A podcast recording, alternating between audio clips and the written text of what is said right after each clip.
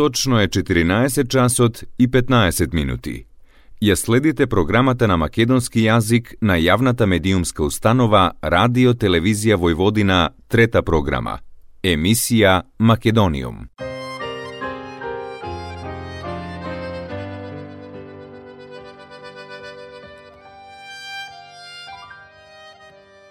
Дале ова оној варош што го знам, кај што душава ми остана. Та дивка празна калдерма, кај што љубовта ми угасна.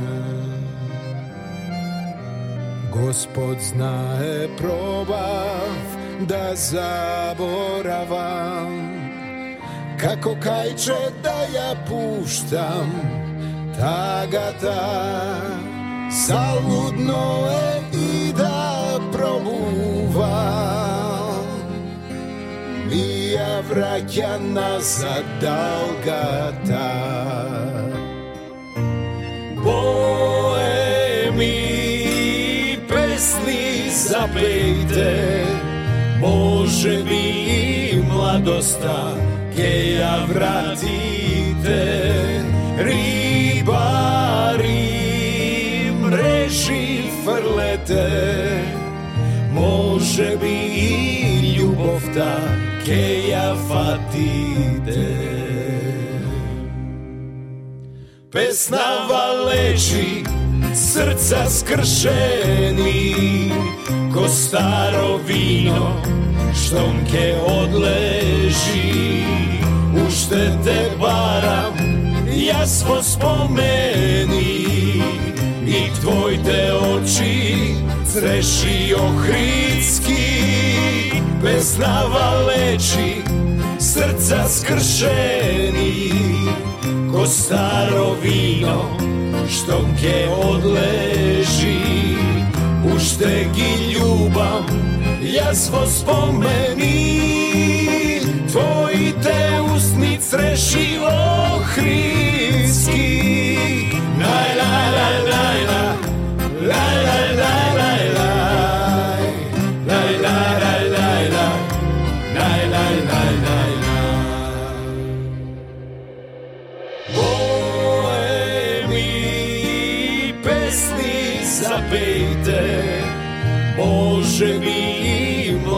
младоста ќе ја вратите Рибари мрежи фрлете Може би и љубовта ќе ја фатите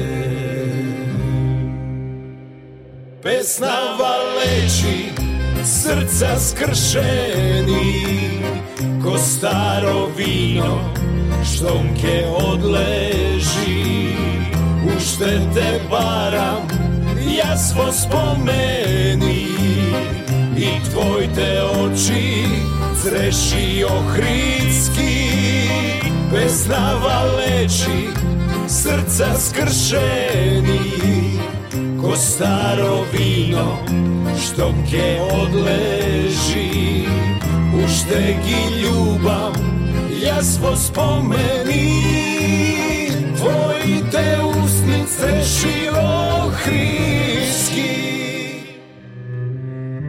Дале, ова мајко, варо што го знам, кај што душава ми остана.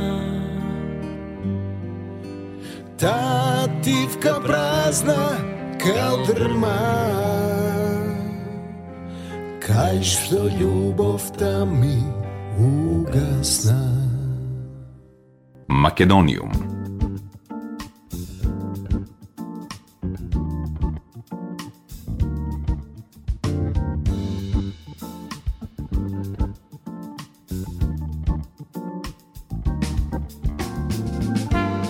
Добар ден и добре дојдовте во најновото издание на емисијата Македониум.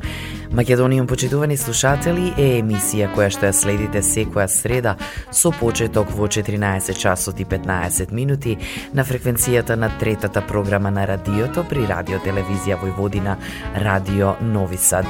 Со вас е вашиот уредник и водител Јулијана Милутиновиќ.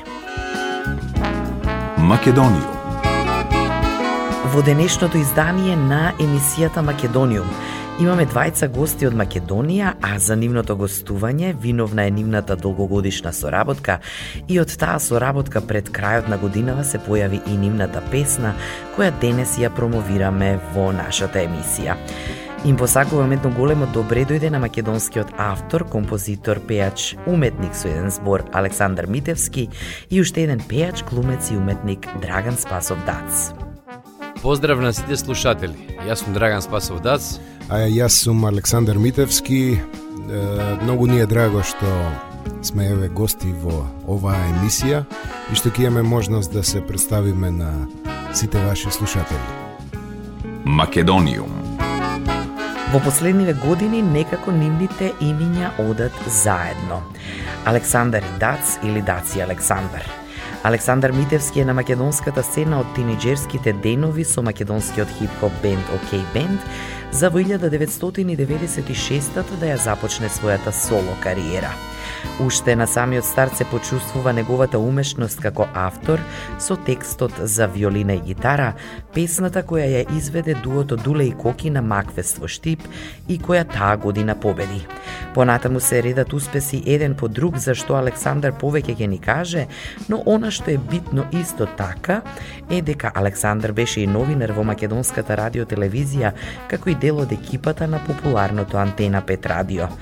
Како новинар има работено и во дневниот печат, како дел од забавната редакција на Утрински весник, има освоено многу музички награди за своите достигнувања, соработувал и се уште соработува со многу имиња од македонската музичка сцена.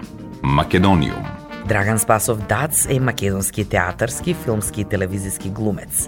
Јас го паметам од телевизија уште од серијалот Бушава азбука, потоа и од случки од животот.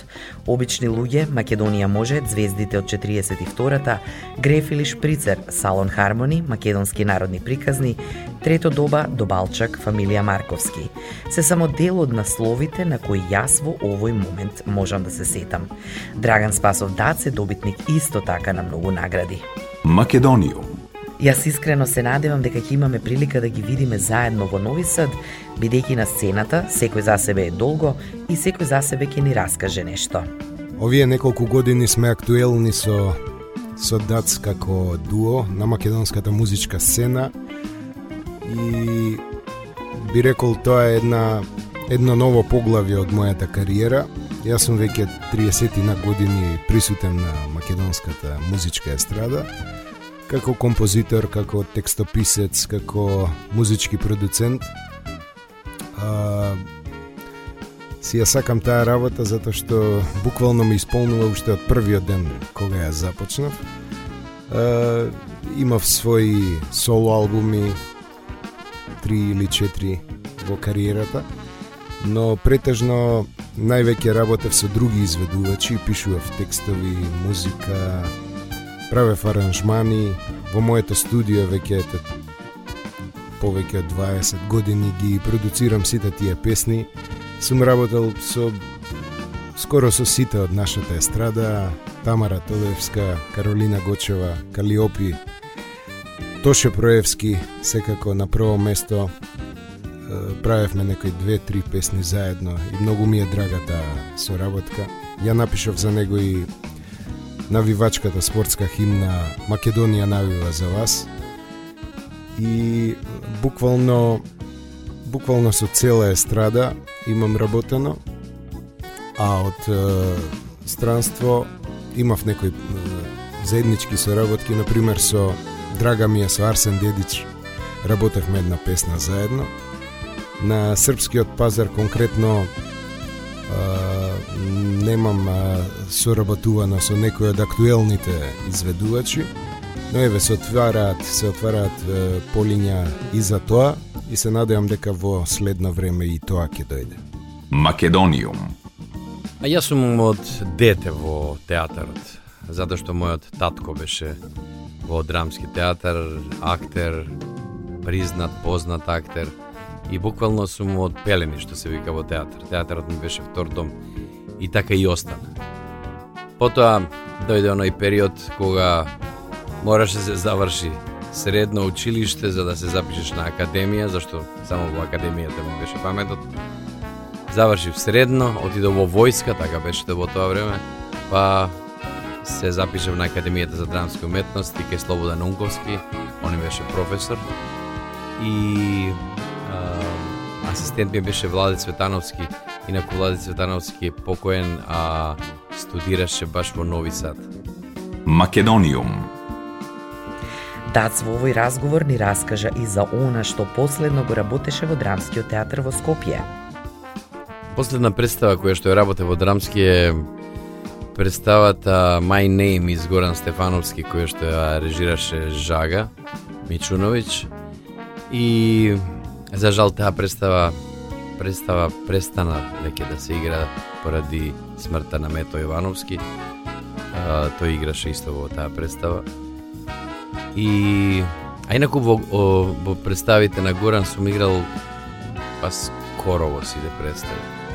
И ми беше и драг пријател и најдраг автор и нередко знам да седнам на клупата во Дебармало до него и онака во себе да му се пожалам за некој работи. Знаеше да слуша, а и знаеше многу убаво да каже.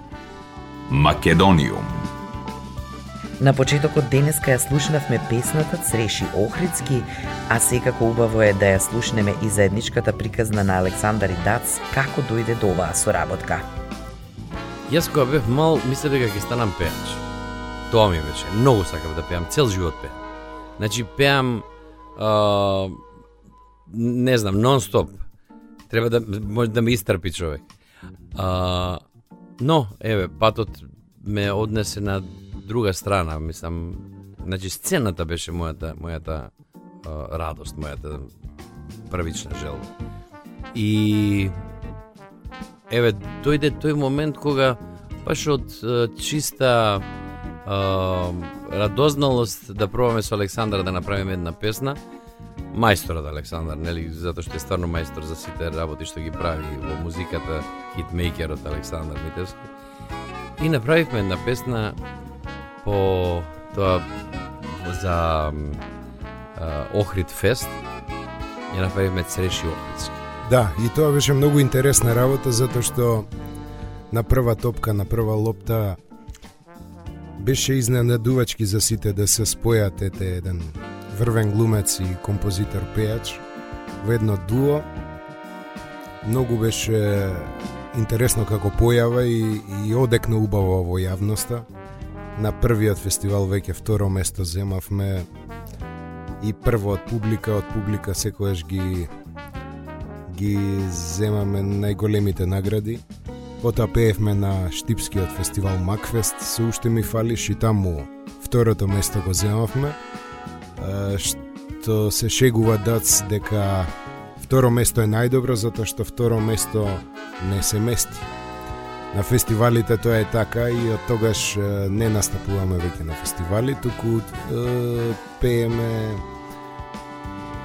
директно со народот, директно е, правиме наши настапи, издаваме синглови, видеоспотови, имаме бројни настапи низ цела Македонија. И тој контакт со публиката и тој флуид е она што нас ни дава сила да продолжиме. Македониум Интересна е да се слушне и приказната за она што се случуваше во пандемијата. Нашата популарност нај, највеќе се зголеми во периодот на пандемијата, во короната, кога беа оние полициски часови. Тука бевме многу активни секојдневно на нашите социјални мрежи. Што направивме во време на короната? Секој ден работевме а, по една песна, спремавме, Тоа беше тоа е интересен процес. Александар ќе направи матрица, ќе ми ја прати матрицата мене. Јас на слушалки ќе ја слушам од еден телефон матрицата, на друг телефон ќе го снимам гласот. И тоа ми кажа како да направам глува соба у шифонјер се пикнав. Сам циркузи бевме. Цело, цело семејство учествуваше во таа да, да, да, да наречам забава, затоа што тогаш полудувавме по дома по тие карантински денови. И потоа јас му ја враќав, само гласот му го враќав, он го монтираше гласот на матрицата. Па ми ја праќаше цела матрица со монтиран глас, мој негов, па правевме видео. Јас по дома, он по дома. Па ќе му го пратам моето, па он ги монтираше и така ги пушташе. Значи, секоја вечер, ние во 8 часот, пуштавме по една песна. И сите и не чекаја буквално како оние серии што се слуша, се што се гледаа на времето како Вруч ветар и така натаму. Македониум. Сега ќе направиме една мала пауза со последното заедничко остварување на Александар и Дац, песната Воли ме, сакај ме, после што ќе слушнеме и како дојде до оваа идеја.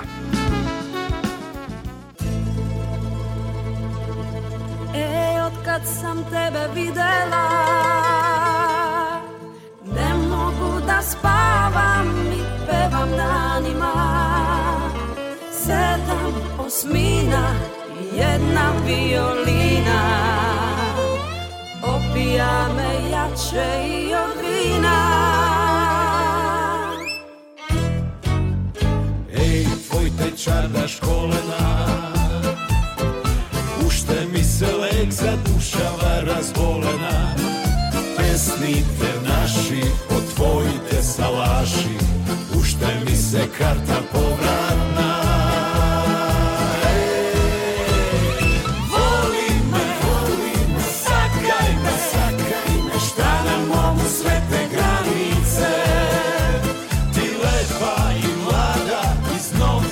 Sada Ne daj da mi noća srce strada.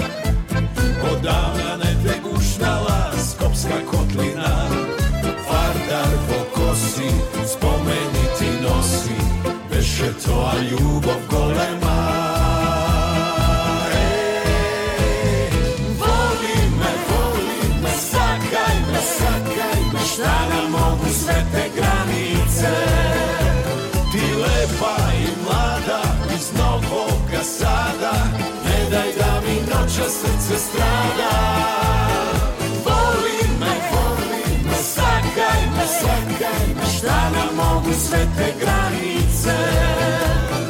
Hej moj momče, momče Makedonče Dušava po tebe znaj mi izgore. Voli me, sakaj me Šta nam mogu sve te granice? Ti lepa i mlada iz Novog Sada Baš ја, сакаш Македонија. Воли ме, воли ме, сакај ме, сакај ме Шта да могу све те granice Hej moj momče, momče Makedonče Dušava po tebe znaj mi izgore Voli, voli,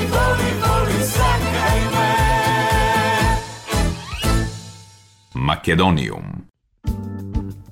Повод за овој разговор е нашата нова песна, на која сме особено драги и се вика Волиме ме, испеана е на и на македонски и на српски и представува еден символ на доброто пријателство, на љубовта помеѓу двата наши народи и таа е дел од тој наш љубовен пасош. Љубовниот пасош е наш проект кој што го работиме со наши со нашите а, блиски за нас земји.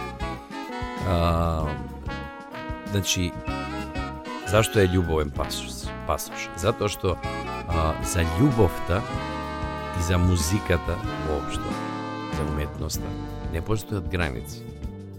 И затоа не ти треба пасош.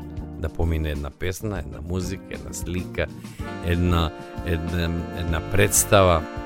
Значи, стварно пасоши не се потребни за уметност. Така, и затоа го крстивме овој пасош љубовен, кој што, а, еве, направивме и песна со за Македонија, Србија, поточно за Нови Сад и Скопје, а, интересна тема, љубов. Љубов е нормално, сите во сите песни има љубов, дури во навивачките песни има љубов. Не затоа што се се навива со љубов за клубот, а не пак кај нашите песни кои што се полни со љубов, да вистина. И ти лепа и млада из Новога Сада, убаво се римуваше. А, не да е да ми ноча се срце страна. Да, тоа е еден многу убав, ајде да не, ајде да кажеме така, чардаш, што ни е нас е, близок исто така како музика. Ја обоивме целата таа атмосфера да мириса да подсетува на на Војводина, на да ја има таа љубов, да ја има таа емоција помешано со сето она што го знаеме и чувствуваме ние од тука и се створи една убава симбиоза. Двата јазици се измешаа така убаво што мислам дека еве во Македонија е веќе хит на сите радиостаници и видеото го гледаат доста луѓе. Да, се надеваме дека ќе ја слушнат што повеќе луѓе и во Нови Сад и дека ќе ја засакаат песната како една интересна, еве, двојазична песна која што ја направивме и направивме и спот интересен со э, возови разни на таму на како се возат.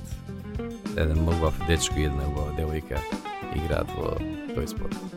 Македониум. Неминовно во оваа емисија е и прашањето за македонската традиционална песна. Па една од е, поубавите песни не можам да издвојам баш онака песна зашто стварно за сите и има прекрасни македонски песни. Не еве ќе ќе ја спомнам Мелено Керко, која што и летоска заедно со една далматинска клапа која што во Корчула пееше, застанав и отпеав една нивна песна. А потоа ја отпеавме и Елено Керко.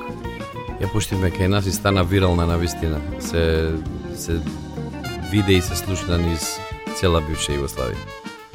Македониум. Мене ми беше особено задоволство да бидете дел од Македониум денес. Александар и Дац, ви благодарам многу за вашето време во емисијата Македониум. Поздрав до сите ваши слушатели. И се надевам дека после нова година ќе дојдеме и да се видиме, да ја промовираме и таму нашата песна Волиме сакајме. Да, и ќе направиме една убава српско-македонска вечер, кај што ќе се испеат многу песни забавни, народни, традиционални, од XU просторите, некои хитови, заедно со сите наши песни. И мислам дека ќе биде тоа едно убаво дружење, како круна на целата оваа идеја што ја имаме. Поздрав до сите ваши слушатели и се надевам дека повторно се слушнеме во некоја следна прилика. Пред самиот крај ќе слушнеме и уште две песни од репертоарот на Александар и Дац.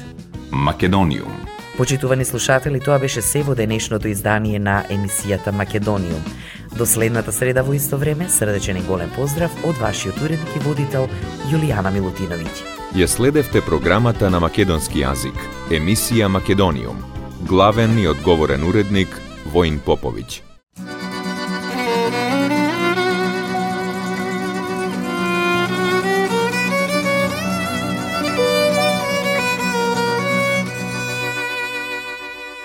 Иста маса и кафана, Само друго време, кога сите збореа за нас.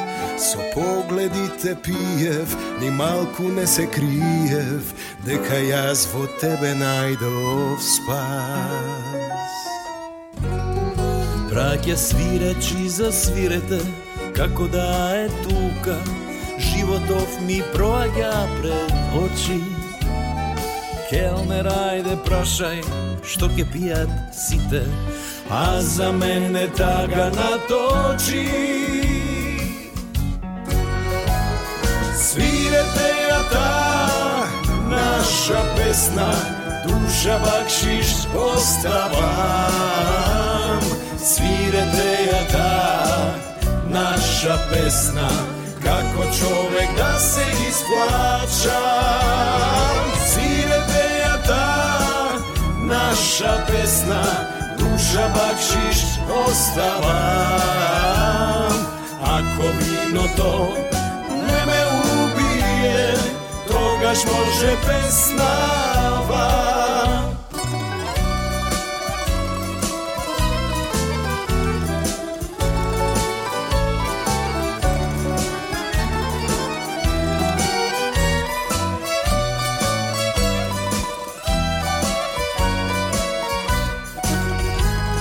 После тебе се што љубев е колку да се каже, ни една срце не ми сошила. А душава во мене е празна толку време, ко светилка што се потрошила. Браќа свирачи засвирете, како да е тука, животов ми проаѓа пред очи.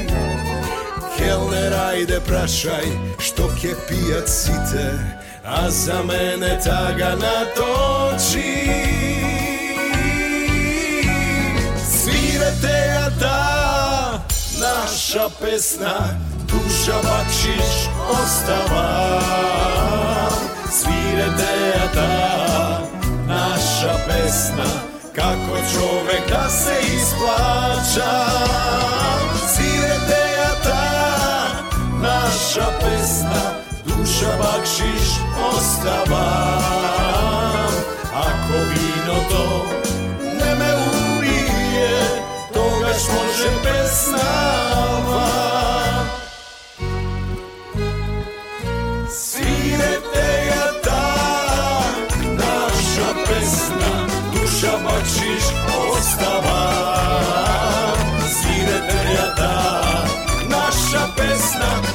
čovek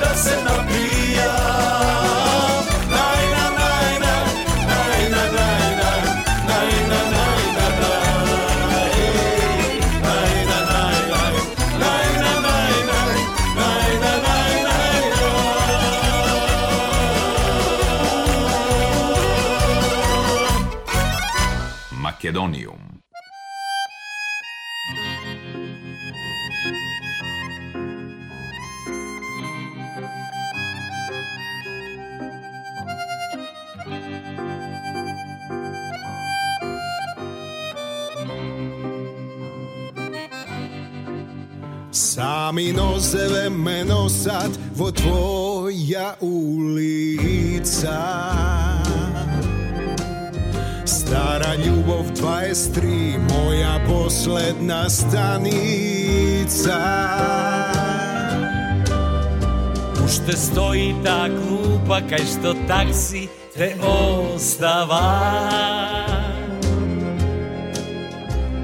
u ljubov ta da za nas, kako svetja ugasna. Ušte mi fališ, ko žica na gitara, ušte ko kompas, srcevo te bara, ti si lek za duša boemska. Ko ta pesna stara Konec po konec Srce što mi bara. Ti si lek Za duša boemska. Ušte živeš vo mojte Stihovi i pesni. Ušte zaludno se koji Божи ден ме трезни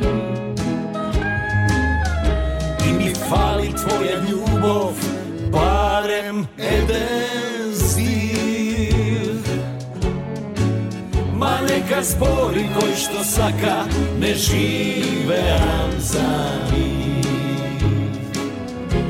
Уште ми фалиш ко жица на гитара Уште ко компас срцево те бара Ти си лек за душа боемска Уште ми фалиш ко та песна стара Конец по конец срце што ми пара Ти си лек за душа боемска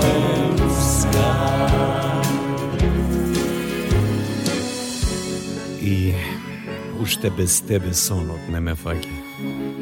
Ми фалиш ми фалиш како како скинатото копче на твојот најубав устан за кое ти плачеш, а јас се смеев.